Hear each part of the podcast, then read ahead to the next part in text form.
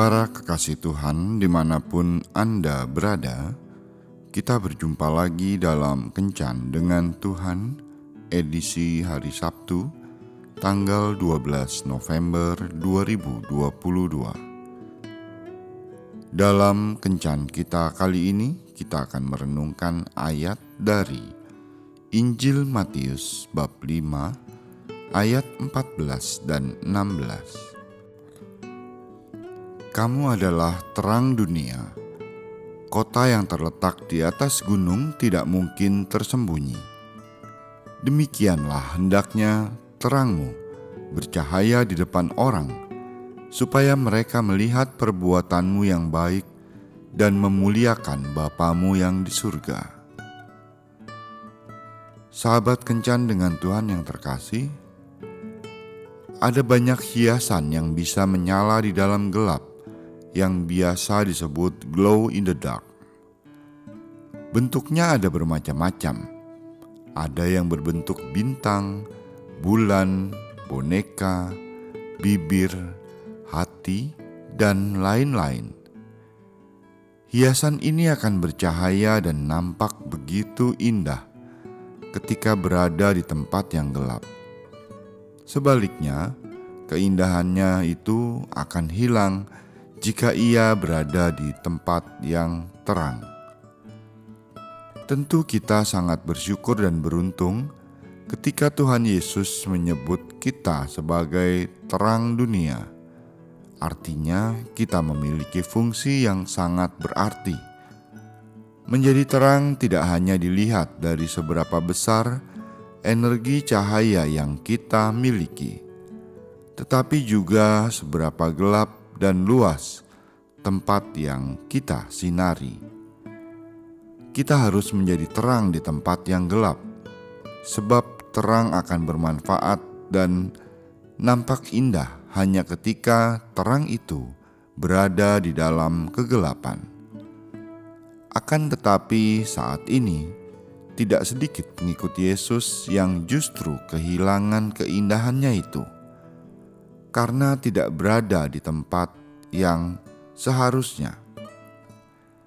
Sebagai pengikut Yesus yang adalah terang dan yang seharusnya menerangi tempat gelap, hanya ingin berada di tempat yang terang. Bisa dibayangkan bagaimana ketika terang itu berada di tempat yang terang.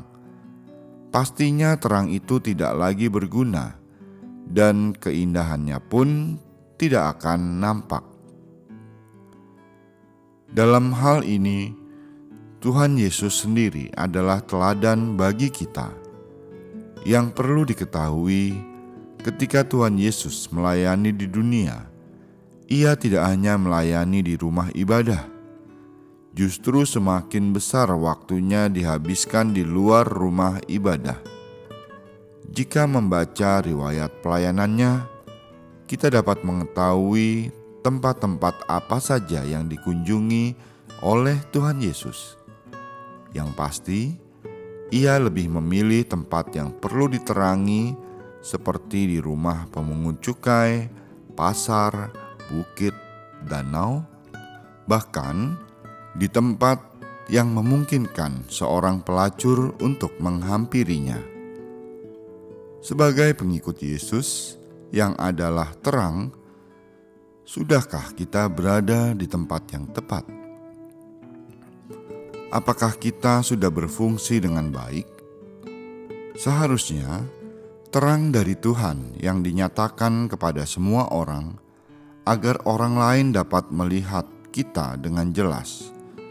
Tuhan Yesus sendiri mengatakan bahwa pelita itu tidak boleh ditaruh di bawah gantang, sebab terang tidak akan berfungsi maksimal bila diletakkan di bawah gantang atau dalam keadaan tertutup. Dalam hal ini, kita tidak diminta untuk menutup diri dan menghalangi terang Tuhan yang ada pada kita. Sebaliknya, Tuhan menginginkan kita untuk bersinar keluar memancarkan sinar kemuliaannya di tengah dunia yang gelap ini. Tuhan Yesus memberkati. Tuhan Yesus, aku bersyukur karena Engkau menjadikanku terang dunia.